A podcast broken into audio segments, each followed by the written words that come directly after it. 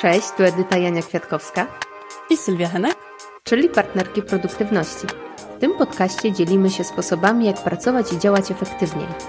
Jak uwalniać czas i wprowadzać zmiany, o których od zawsze marzyłyśmy. Jednym słowem rozmawiamy o tym, jak pracować mądrzej i mieć więcej czasu na życie. Dzień dobry. Dzień dobry, cześć. Zaczynamy dzisiaj naszą serię o książkach, a w zasadzie serię inspirowaną książkami, które przeczytałyśmy i które w jakimś stopniu zmieniły nasze życie. Zaczynamy od mojej ulubionej książki autorstwa Toniego Szwarca pod tytułem Taka praca nie ma sensu. To jest też jedna z moich ulubionych książek. I przyznam, że takich książek o produktywności, o jakichś nawykach, e, różnych narzędziach, o takim podejściu do lepszej pracy czytam dużo, ale tak naprawdę niewiele jest takich, które by zostały ze mną na dłużej, o których bym sobie przypominała co jakiś czas, które by długo też tak pracowały po przeczytaniu, a książka Toniego Szwarca jest taką książką e, i ona dała mi naprawdę taką nową perspektywę, jeśli chodzi o patrzenie na własną energię i myślę, że dużo tutaj mówi sam tytuł. Taka praca nie ma sensu. W tym się naprawdę bardzo dużo mieści. Jeśli sięgniecie po tę książkę, do czego Was bardzo zagrzewamy, to zobaczycie, że faktycznie sposób, w jaki my jesteśmy przyzwyczajeni e, pracować, w jaki my jesteśmy nauczeni pracować, jakiego się od nas też wymaga, żebyśmy pracowali, tak naprawdę jest bez sensu, bo jest takie poczucie, że im więcej pracujemy, tym efekty są lepsze, tym wyniki są lepsze, tym wartość, którą generujemy jest lepsza, tym więcej rzeczy zrobimy, a to jest bardzo, bardzo mocno nieprawda. E, I nie tylko dla ludzi jest taka, takie podejście pracy więcej, pracy dłużej niewskazane, ale dla ekonomii również ono nie ma większego sensu, no bo zmęczony człowiek, no raz, generuje słabsze wyniki, a dwa, on też nie ma czasu na wydawanie pieniędzy, nie wiem, na jakieś rozrywki, zasilanie tej ekonomii, no i te efekty pracy samej takiego, takiego zmęczonego człowieka y, dla pracodawcy nie są tak dobre, jakie mogłyby być, gdyby to była osoba zmotywowana, wypoczęta, która czuje też, że daje jakąś wartość, niezależnie od tego, w jakiej firmie pracuje i czy czy taką wartość na pierwszy rzut oka tam widać, ale takie przewartościowanie, właśnie takie przedefiniowanie tego, czego my potrzebujemy tak naprawdę, jak, jakie energie potrzebujemy mieć i w jakim one powinny ze sobą jakby tańczyć tańców w takim balansie, mm, pozostawać, no to to nam wtedy daje bardzo duże pole do popisu, żeby popatrzeć na to nasze życie e, inaczej i pamiętam, jak Edyta mówiłaś o twoim takim pytaniu, które sobie często zadajesz, z którym cię ta książka zostawiła. To jest bardzo mocne pytanie. Tak, to jest coś, co do mnie wraca co jakiś czas i mam wrażenie, że cyklicznie je sobie zadaję. A mianowicie, czy koszt, jaki płacę za życie, którym żyję, jest adekwatny? Czy nie płacę zbyt wysokiej ceny za rzeczy, które dostaję w zamian? I to nie chodzi o tą cenę taką namacalną, fizyczną, pieniężną, która nam zawsze przychodzi do głowy, tylko tą cenę związaną z tymi czterema energiami, o których będziemy dzisiaj opowiadać, i tą cenę taką bardziej niematerialną, którą płacimy za to, co chcemy osiągnąć. No właśnie, jeszcze uszczegóławiając to, czy praca i czy sposób, w jaki pracuję, czy ten koszt, który ja poświęcam na ten cel, czy on faktycznie jest, tak jak powiedziałaś, do uzasadnienia, czy on faktycznie jest taki, jak ja chcę, żeby był. No ta książka stawia takie niewygodne pytania. Bardzo mocno każe nam popatrzeć w lustro i sobie w oczy wręcz popatrzeć i być takim naprawdę szczerym, no po to, żeby móc jeszcze coś zmienić i, i zadbać o siebie tak, żeby te efekty potem jeszcze były lepsze. To jest właśnie cała magia tej książki, że, mm, że ona nam daje narzędzia i taką perspektywę, jak o tym wszystkim myśleć, żeby ta produktywność była fajna i żeby potem jeszcze nasze życie mogło też być dzięki temu fajniejsze. Zanim przejdziemy do omówienia tych czterech rodzajów energii, o które warto zadbać, chciałybyśmy jeszcze też um, trochę więcej dać kontekstu, jeśli chodzi o te ukryte koszty, o tą cenę, jaką my nieświadomie nadal y, jeszcze czasem płacimy za takie podejście bezrefleksyjne, często y, na autopilocie, jakie, jakie mamy do pracy. I wybrałam tutaj taki cytat z książki, który chciałabym Wam przeczytać, żeby właśnie to mm, lepiej zobrazować. Nasze metody pracy są wadliwe. Współczesny etos pracy wymaga od nas robienia więcej i szybciej. Mamy do dyspozycji coraz więcej informacji i zawieramy transakcje w coraz szybszym tempie, co sprawia, że cały czas śpieszymy się i ciągle coś nas rozprasza. Mamy więcej klientów do obsłużenia, więcej maili wymagających odpowiedzi, więcej telefonów, więcej zadań, więcej spotkań, więcej miejsc do odwiedzenia i poczucie, że musimy pracować coraz więcej godzin, żeby nie pozostać w tyle.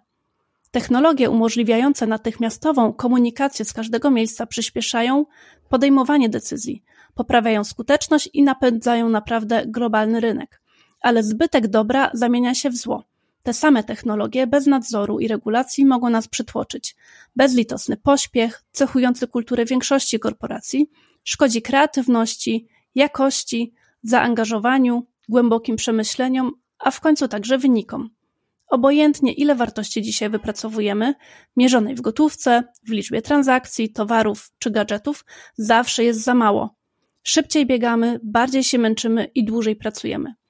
Tak bardzo absorbuje nas dotrzymywanie kroku, że przestajemy zauważać, że bierzemy udział w syzofowym wyścigu, którego i tak nie jesteśmy w stanie wygrać. Cała ta gorączkowa bieganina pociąga za sobą ukryte koszty. Utrudnioną koncentrację, mniej czasu na każde zadanie, rzadsze okazje do refleksji i myślenia w dalszej perspektywie. Gdy w końcu wieczorem wracamy do domu, mamy mniej energii dla rodziny, mniej czasu na relaks i odpoczynek, a także mniej godzin na sen. Rano wracamy do pracy, czujemy się niewypoczęci, nie jesteśmy w stanie w pełni zaangażować się w pracę, mamy trudności z koncentracją. To błędne koło, które kręci się siłą własnej bezwładności. Nawet ci, którym nadal udaje się osiągać wysoki poziom wyników, płacą osłabieniem poczucia satysfakcji i spełnienia. Etos więcej i szybciej generuje wartość zawężoną, spłyconą i doraźną. Paradoksalnie coraz więcej i więcej daje coraz mniej i mniej. To jest mocne. I to jest y, czymś, co jak pierwszy raz usłyszysz, powoduje, że zaczynasz się zastanawiać, czy przypadkiem właśnie nie żyjesz w ten sam sposób, nie, nie żyjesz w tym pędzie, nie chcesz coraz więcej dowozić, coraz więcej mieć, w zasadzie zapominając o, o sobie w tym wszystkim. I ja pamiętam, że to we mnie właśnie taką refleksję bardzo mocno pozostawiło. We mnie tak samo. Ja dlatego wybrałam ten e, fragment, e, bo po pierwsze on jest taką diagnozą tych naszych czasów. Mam wrażenie, że chcemy więcej i szybciej.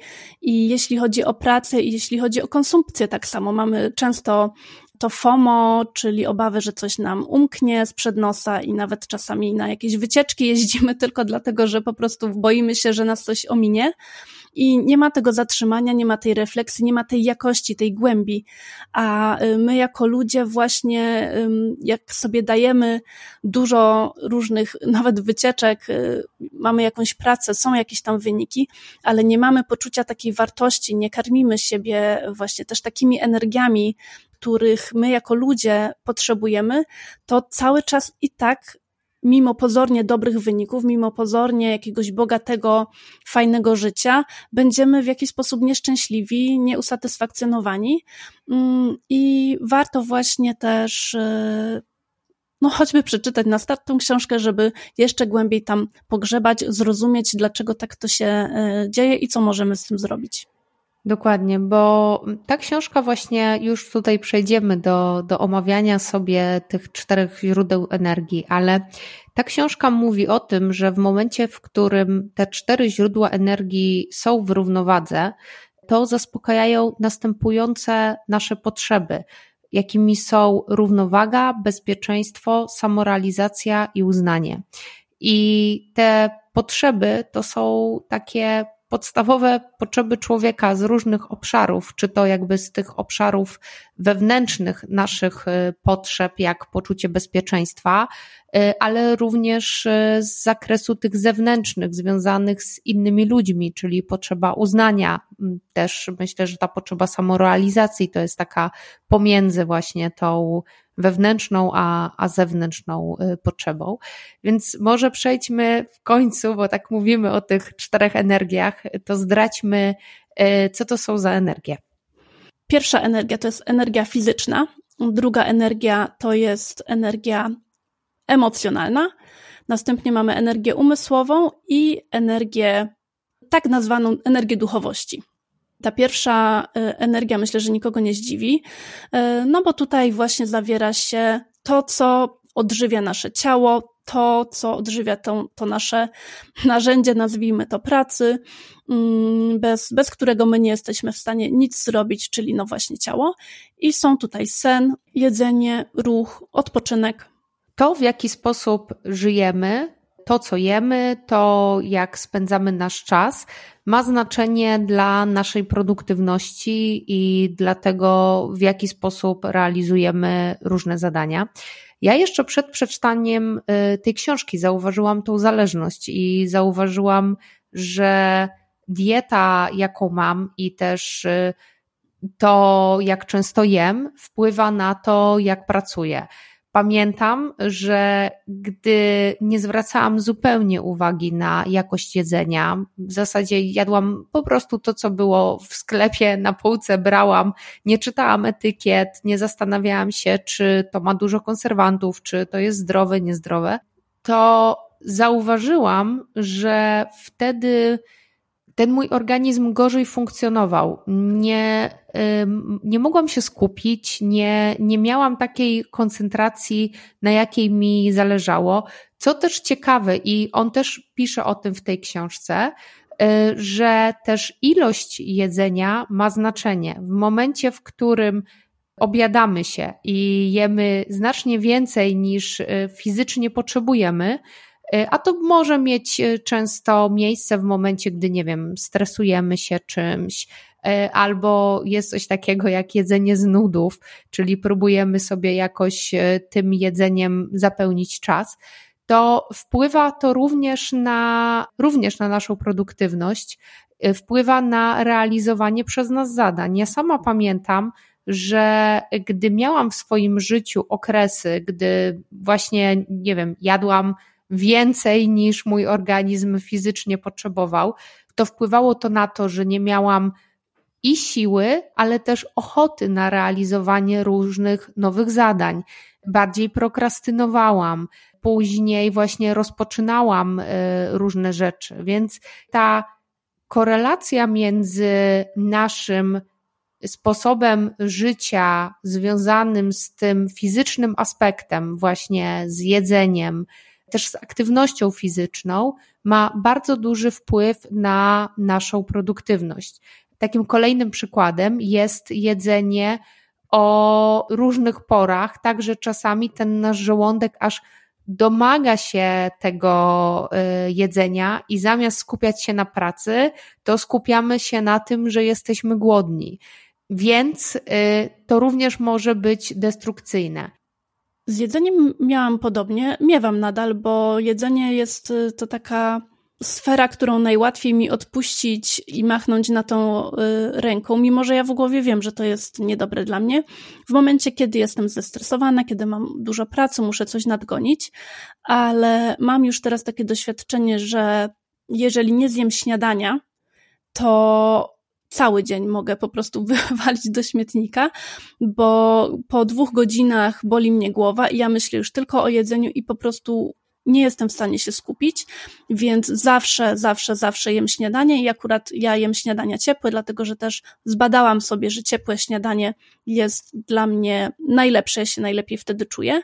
Natomiast zdarza mi się jeszcze kiedy jestem w tym moim fokusie, czyli w tym ukierunkowaniu, y, to nawiązuje do, do talentów Galupa, czyli do tak, w takiej laserowej koncentracji i jestem w tym takim cieniu tego ukierunkowania, czyli y, nie dostrzegam, co się w ogóle wokół mnie dzieje, bo tak bardzo jestem skupiona na, na realizowaniu jakiegoś zadania, no to wtedy też mam tendencję do y, odpuszczania tego jedzenia i później wieczorem nadrabiam, jestem głodna, później źle mi się śpi, bo jestem najedzona, rano się budzę zmęczona i zaczyna się znowu takie błędne koło, z którego trudno też jest wyjść. Więc taka świadomość tego, że po pierwsze mam na przykład takie tendencje, mm, to jest jedna rzecz, ale po drugie wtedy, kiedy mogę, no to staram się właśnie planować posiłki, czyli robić przerwy w takich powiedzmy co trzy godziny mniej więcej, żeby sobie jakoś tego paliwa e, dodać. Pomaga mi to, że pracuję z domu z mężem e, i on ma większą e, łatwość pamiętania o tym jedzeniu, więc mamy wspólny, ustalony grafik taki, kiedy, kiedy wspólnie jemy i to też mi pomaga właśnie trzymać tą taką rutynę, która jest dobra dla mojego ciała i która też pozytywnie wpływa na tą moją produktywność. Y, I jeśli chodzi o ruch, y, no to u ciebie wiem, Edyta, że jest całkiem fajne w tym, w tym kontekście, jesteś takim moim role modelem w tym mhm. sensie. U mnie to jeszcze dość mocno, mm, dość mocno kwiczy, mogę powiedzieć, bo bardzo dużo siedzę i to, co wprowadziłam po przeczytaniu tej książki, co teraz trochę znowu zarzuciłam, dlatego że wpadłam właśnie w taki tryb robienia zadań i znowu będę chciała do tego wrócić, to są spacery. Spacery w połowie dnia. Można powiedzieć tak około 15 robiłam sobie taki spacer na 20-30 minut i pamiętam, że zaczęłam robić to w bardzo niesprzyjającym czasie, czyli zimą. I to było dla mnie niesamowite, jak bardzo te zimowe spacery, e, kiedy tak się naopatulałam różnymi e, szalami, ubrałam porządne buty, e, bo jestem zmarzluchem i nie, po prostu nie znoszę, kiedy jest mi zimno, więc musiałam też o to zadbać, bo inaczej bym nie wyszła to bardzo dobrze mi to faktycznie robiło. Po pierwsze, bo byłam z siebie taka zadowolona, że podjęłam ten wysiłek, zrobiłam dla siebie coś dobrego, a potem faktycznie ten ruch e, poprawiał krążenie, e, mogłam sobie przemyśleć pewne rzeczy, różne rzeczy tam się właśnie wyklarowały mm, na tym spacerze i e, miałam taki okres, że chyba właśnie przez kwartał albo cztery miesiące codziennie wychodziłam na spacer. Czasami, kiedy miałam bardzo taki zagoniony dzień, to wyszłam na 15 minut, a czasami tylko y, poszłam do sklepu, ale właśnie z taką świadomością, że y, nie biegnę tam, tylko ma ta droga do sklepu też być właśnie takim trochę odpoczynkiem, nie myśleniem y, o pracy, albo właśnie myśleniem takim trochę z innej strony, w innej przestrzeni. I pamiętam właśnie, że te spacery takie w połowie dnia, kiedy jest taki już u mnie pik przemęczenia, to dawały takiej nowej energii, takiego nowego mm, spojrzenia, oddechu i później, kiedy zasiadałam do pracy po takim spacerze, to naprawdę jeszcze miałam właśnie takie zdolności, które myślę, że no ciężko by było z siebie wykrzesać kawą, jakimś ciastkiem i, i bez takiej przerwy. Bo wydaje mi się, że to, co robi właśnie ta książka, to zwraca uwagę na to, jak ważna jest ta fizyczna regeneracja, jak ta, jak ta energia fizyczna, którą mamy, która właśnie jest związana z tym jedzeniem, z aktywnością fizyczną, też ze spaniem, jak ona wpływa na ten nasz codzienny dzień. I w kontekście tego spania to też jest ciekawe, bo ja przez y, wiele lat y, próbowałam skrócić czas y, mojego snu, bo wydawało mi się, że, że to jest produktywne, bo gdzieś usłyszałam, że ludzie śpią po 6 godzin, są wypoczęci i tak sobie myślałam, o, tylko 6 godzin snu, to ile po prostu dnia zyskuję.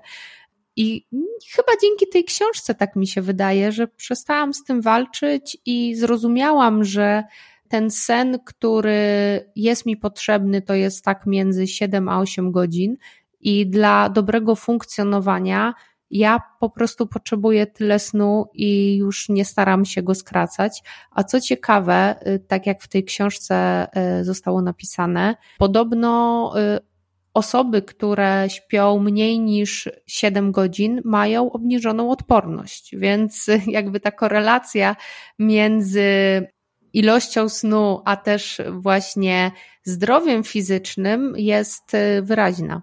Nie pamiętam, jak niedawno słyszałam jakiś podcast czy wywiad z Mateuszem Kuśnierewiczem i kiedy on powiedział, że on potrzebuje 9 godzin snu, to dla mnie to było tak fantastyczne, po prostu mm, tak się poczułam, jakbym miała pozwolenie na moje 8 godzin, bo mi 8 godzin właśnie tak fajnie, fajnie wystarczy, ale pokazuje to też, że osoby, które mają genialne osiągnięcia, wręcz wyczynowe w jakimś tam e, rozumieniu, też mają y, potrzebę snu, korzystają z niej i nadal mają te osiągnięcia, że oni y, nie skracają snu i nie, nie ryzykują wtedy właśnie tych swoich możliwości, tego potencjału, tylko mają i to, i to. To jest dla mnie niesamowite. Dokładnie. Ja kiedyś czytałam książkę o y, zawodowych biegaczach, którzy mają taką rutynę, że między treningami mają drzemki dla regeneracji organizmu, więc jakby ten sen, który mam wrażenie, że w naszej kulturze jest y, trochę. Złem koniecznym takim. Złem koniecznym, jest trochę spychany na bok, ale oczywiście to się zmienia, bo, bo właśnie coraz więcej osób widzi, że, e, że, że jest wprost przeciwnie, że ten sen nam jest potrzebny, ale bardzo mi się podoba właśnie te takie namacalne efekty, które pokazują, że wszelkiej maści właśnie sportowcy, aby osiągać wyniki, dbają o to, aby ich ciało było wypoczęte.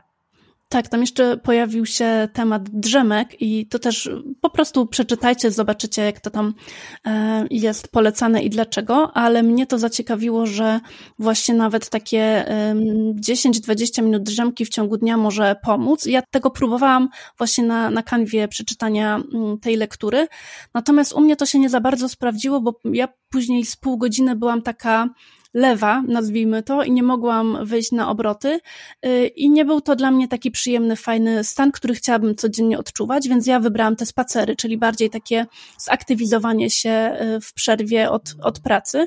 Natomiast tam był też taki lifehack y, przedstawiony, że jeżeli nie masz w tygodniu możliwości na taką drzemkę właśnie między tymi godzinami 13 a 15, to możesz sobie to przetestować w weekend e, i wtedy takie półtora godziny drzemki między 13 a 15 może ci nawet zregenerować taki jakiś niedobór snu, trochę jeszcze poprawić jakieś takie efekty negatywne zmęczenia, takiego przemęczenia i e, zapomniałam o tym, a ostatnio właśnie jak się przygotowywałam do tego odcinka, to, to przeczytałam na nowo, przypomniało mi się i będę chciała sobie taką weekendową drzemkę też przetestować.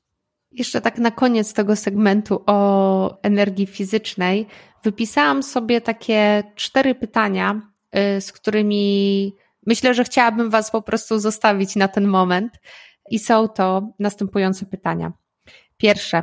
Pomyśl o typowym dniu, jak długo pracujesz bez przerwy. Następnie, w jaki sposób obecnie regenerujesz swoją energię. Kolejne, ile godzin średnio śpisz. I na koniec, co robisz przed snem.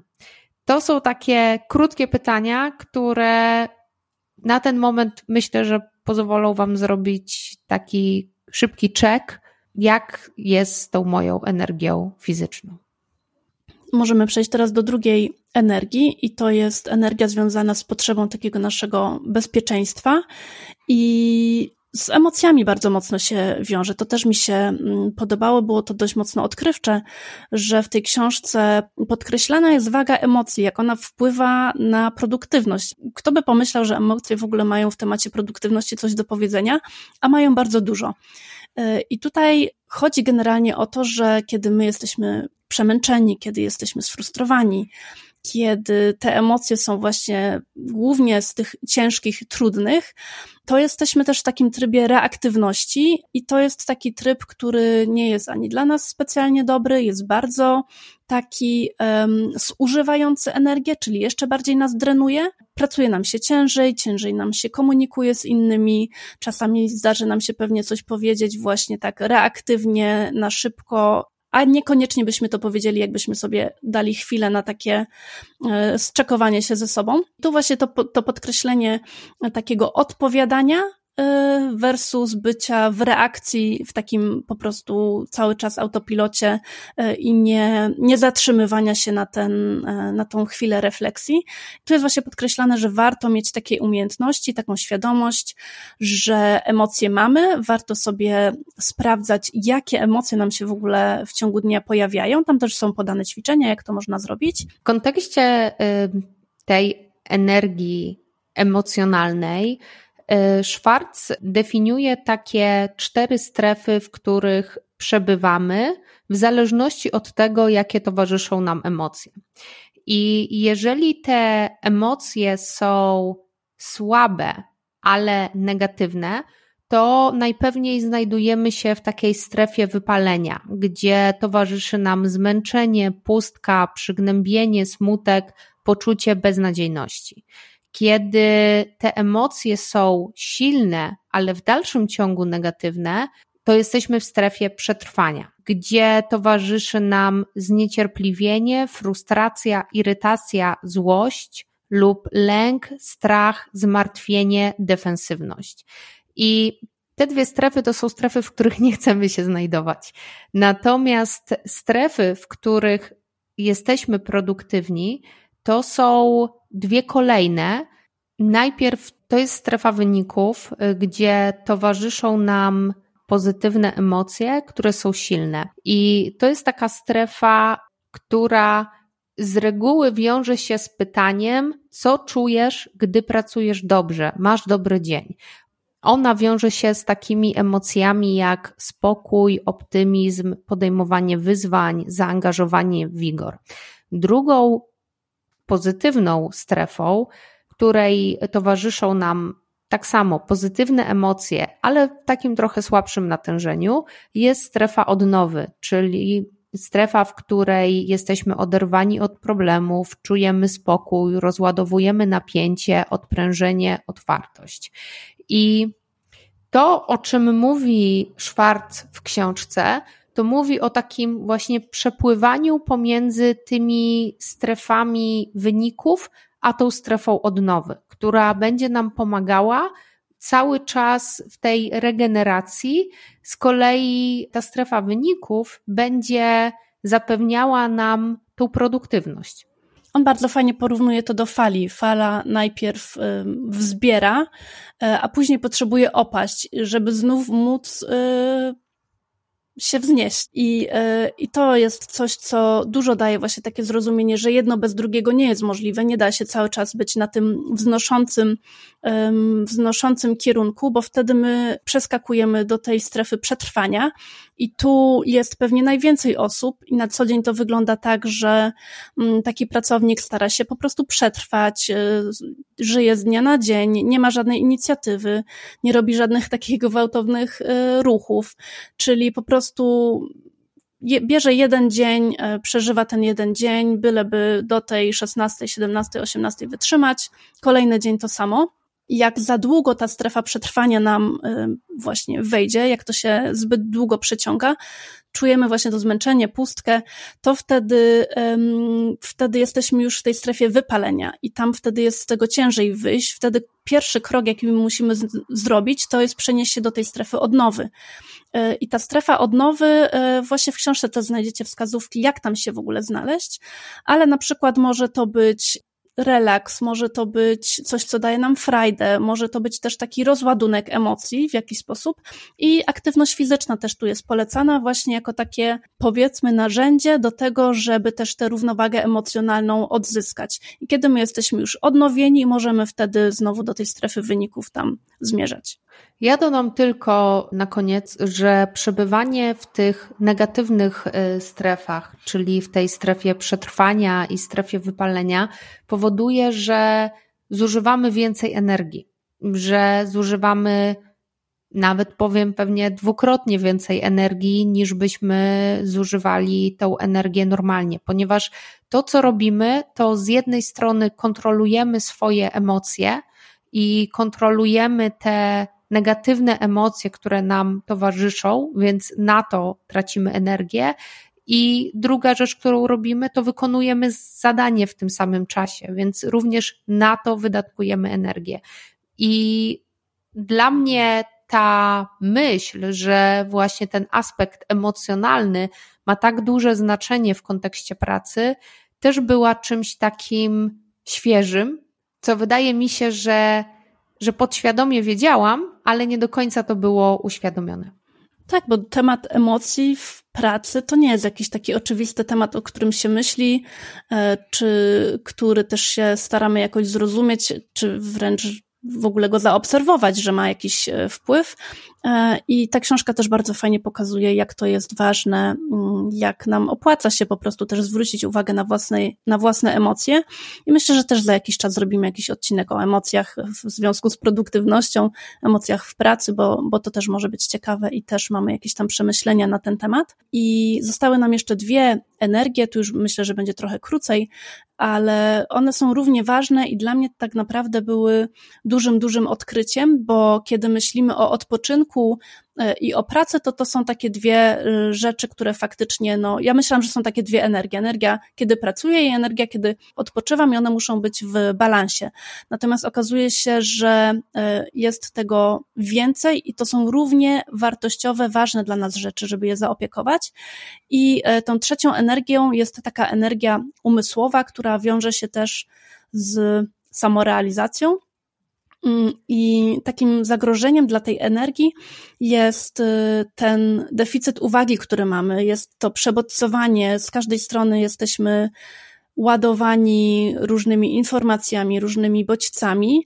Y, I tak samo zagrożeniem jest multitasking, do którego też nieraz jesteśmy zachęcani, czy którego wręcz się od nas czasami wymaga. A potrzebą, którą my mamy, jest potrzeba właśnie zatrzymania się, zobaczenia pewnych z perspektywy refleksji, takiego kreatywnego myślenia, myślenia perspektywicznego, po to, żeby e, zbadać, czy to jest dobry kierunek, czy ta praca ma sens, czy nie ma sensu, jak mówi tytuł książki, e, żeby popracować w skupieniu, a nie ciągle, żeby nas te e-maile, czy pracownicy, czy współpracownicy rozpraszali. I to też jest nasza potrzeba, czyli to nie jest jakiś wymysł, um, czy, czy coś, co fajnie by było mieć. To jest potrzeba, która musi być spełniona, jeśli my mamy być rzeczywiście prawdziwie produktywni. E, I to, co jeszcze tutaj też jest uwzględnione, to rozwijanie prawej półkuli mózgu, bo ta lewa półkula mózgu odpowiedzialna na przykład za język, ona jest szkolona, trenowana od y, wczesnych lat dzieciństwa. My jej y, bardzo dużo używamy, ale nie dopuszczamy często do głosu tej prawej e, półkuli, która jest odpowiedzialna za szerszą perspektywę. Ona nie ma jakby mowy, ona nie umie się z nami tak porozumieć, ale ona nam daje różne szersze wglądy. Tam jest na przykład intuicja, są różne wyobrażenia to, co ja dla siebie wzięłam, e, czytając właśnie ten rozdział o, e, o samorealizacji, o, o ćwiczeniu umysłu, to na przykład to, że rysowanie fenomenalnie rozwija tą prawą e, pulkulę. Tam jest takie ciekawe ćwiczenie e, wymienione, żeby spróbować narysować autoportret prawą ręką i lewą ręką i to jest naprawdę mega ciekawe mm, ćwiczenie, możecie sobie zrobić, ale właśnie chodzi o to, że po to, aby jeszcze wnikliwiej patrzeć w naszej pracy, być bardziej kreatywnym, to my też potrzebujemy tą prawą półkulę aktywizować. E, a czwartą energią jest energia, która jest nazwana energią duchową, czy fortunnie, czy niefortunnie, dyskutowałyśmy przed tym podcastem, yy, trudno jakby zdecydować i nie chodzi tutaj w ogóle o żadną religijność, o nic z tych rzeczy, natomiast chodzi o taką potrzebę znaczenia, o potrzebę jakiejś czucia wartości, znania swoich wartości, o potrzebę też uznania. Mm, to, co y, Schwartz bardzo mocno też podkreśla, to, że potrzeba takiego bycia uznanym jest dla naszego ducha tak bardzo potrzebna, jak potrzeba jedzenia dla naszego fizycznego ciała.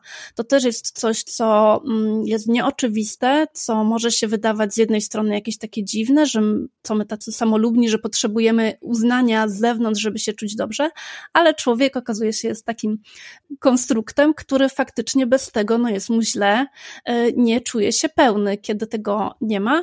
I e, jak można pomóc sobie tą energię uzyskać, no to jest na przykład robienie rzeczy takich, które są mm, nie tylko dla siebie, ale też w jakiś sposób dla innych, czyli jakieś takie, to może być, nie wiem, teraz wymyślam. Ja tak sobie o tym myślę, że mogłabym wspierać jakiś TOS na przykład, nie? Bo dla mnie są bardzo ważne też zwierzaki y, i taką moją wewnętrzną wartością mogłabym się wesprzeć, żeby coś takiego robić.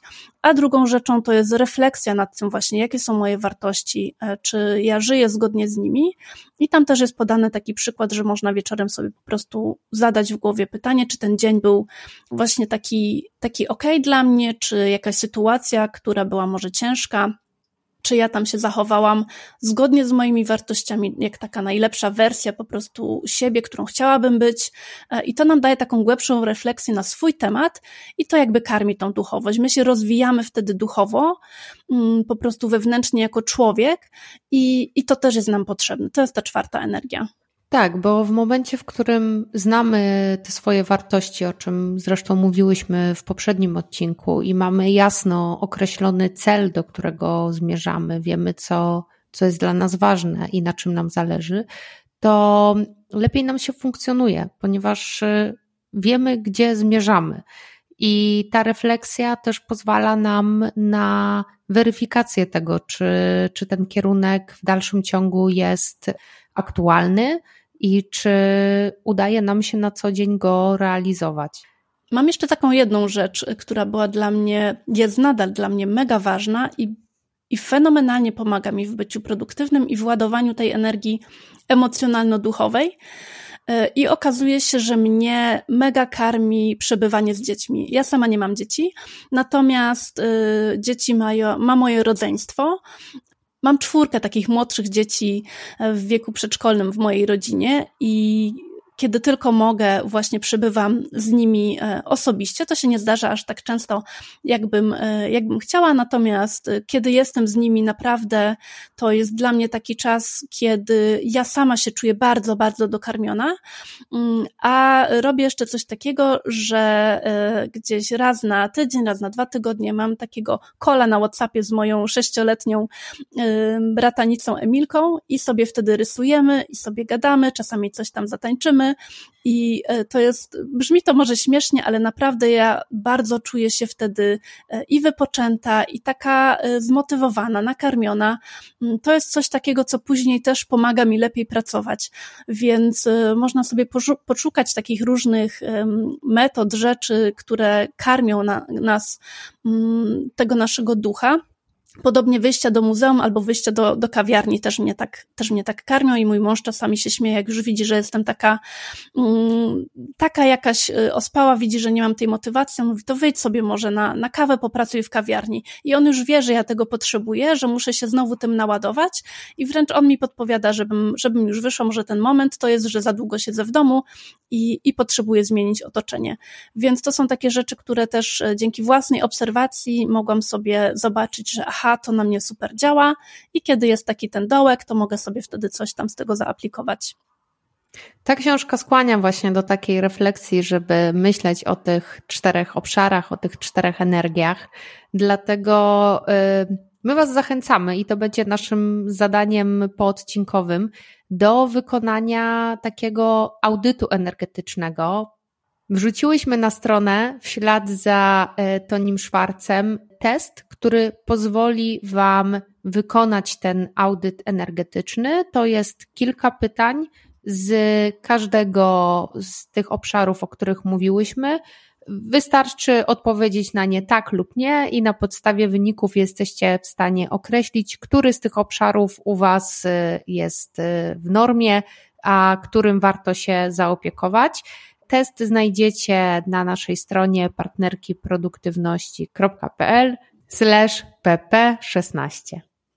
Tak jest, to jest banalnie prosty, ale jest trudny. Trzeba tam, znaczy fajnie tam być takim serio szczerym ze sobą. U mnie na pewno będzie najbardziej szwankowała ta e, strefa fizyczna, bo, e, bo to jest coś, do czego cały czas jakoś tam się jeszcze, jeszcze szukam swojego sposobu na to. E, zresztą może wiecie, bo też cały czas tej jogi próbuję się tak dobrze nauczyć, żeby wprowadzić to w nawyk.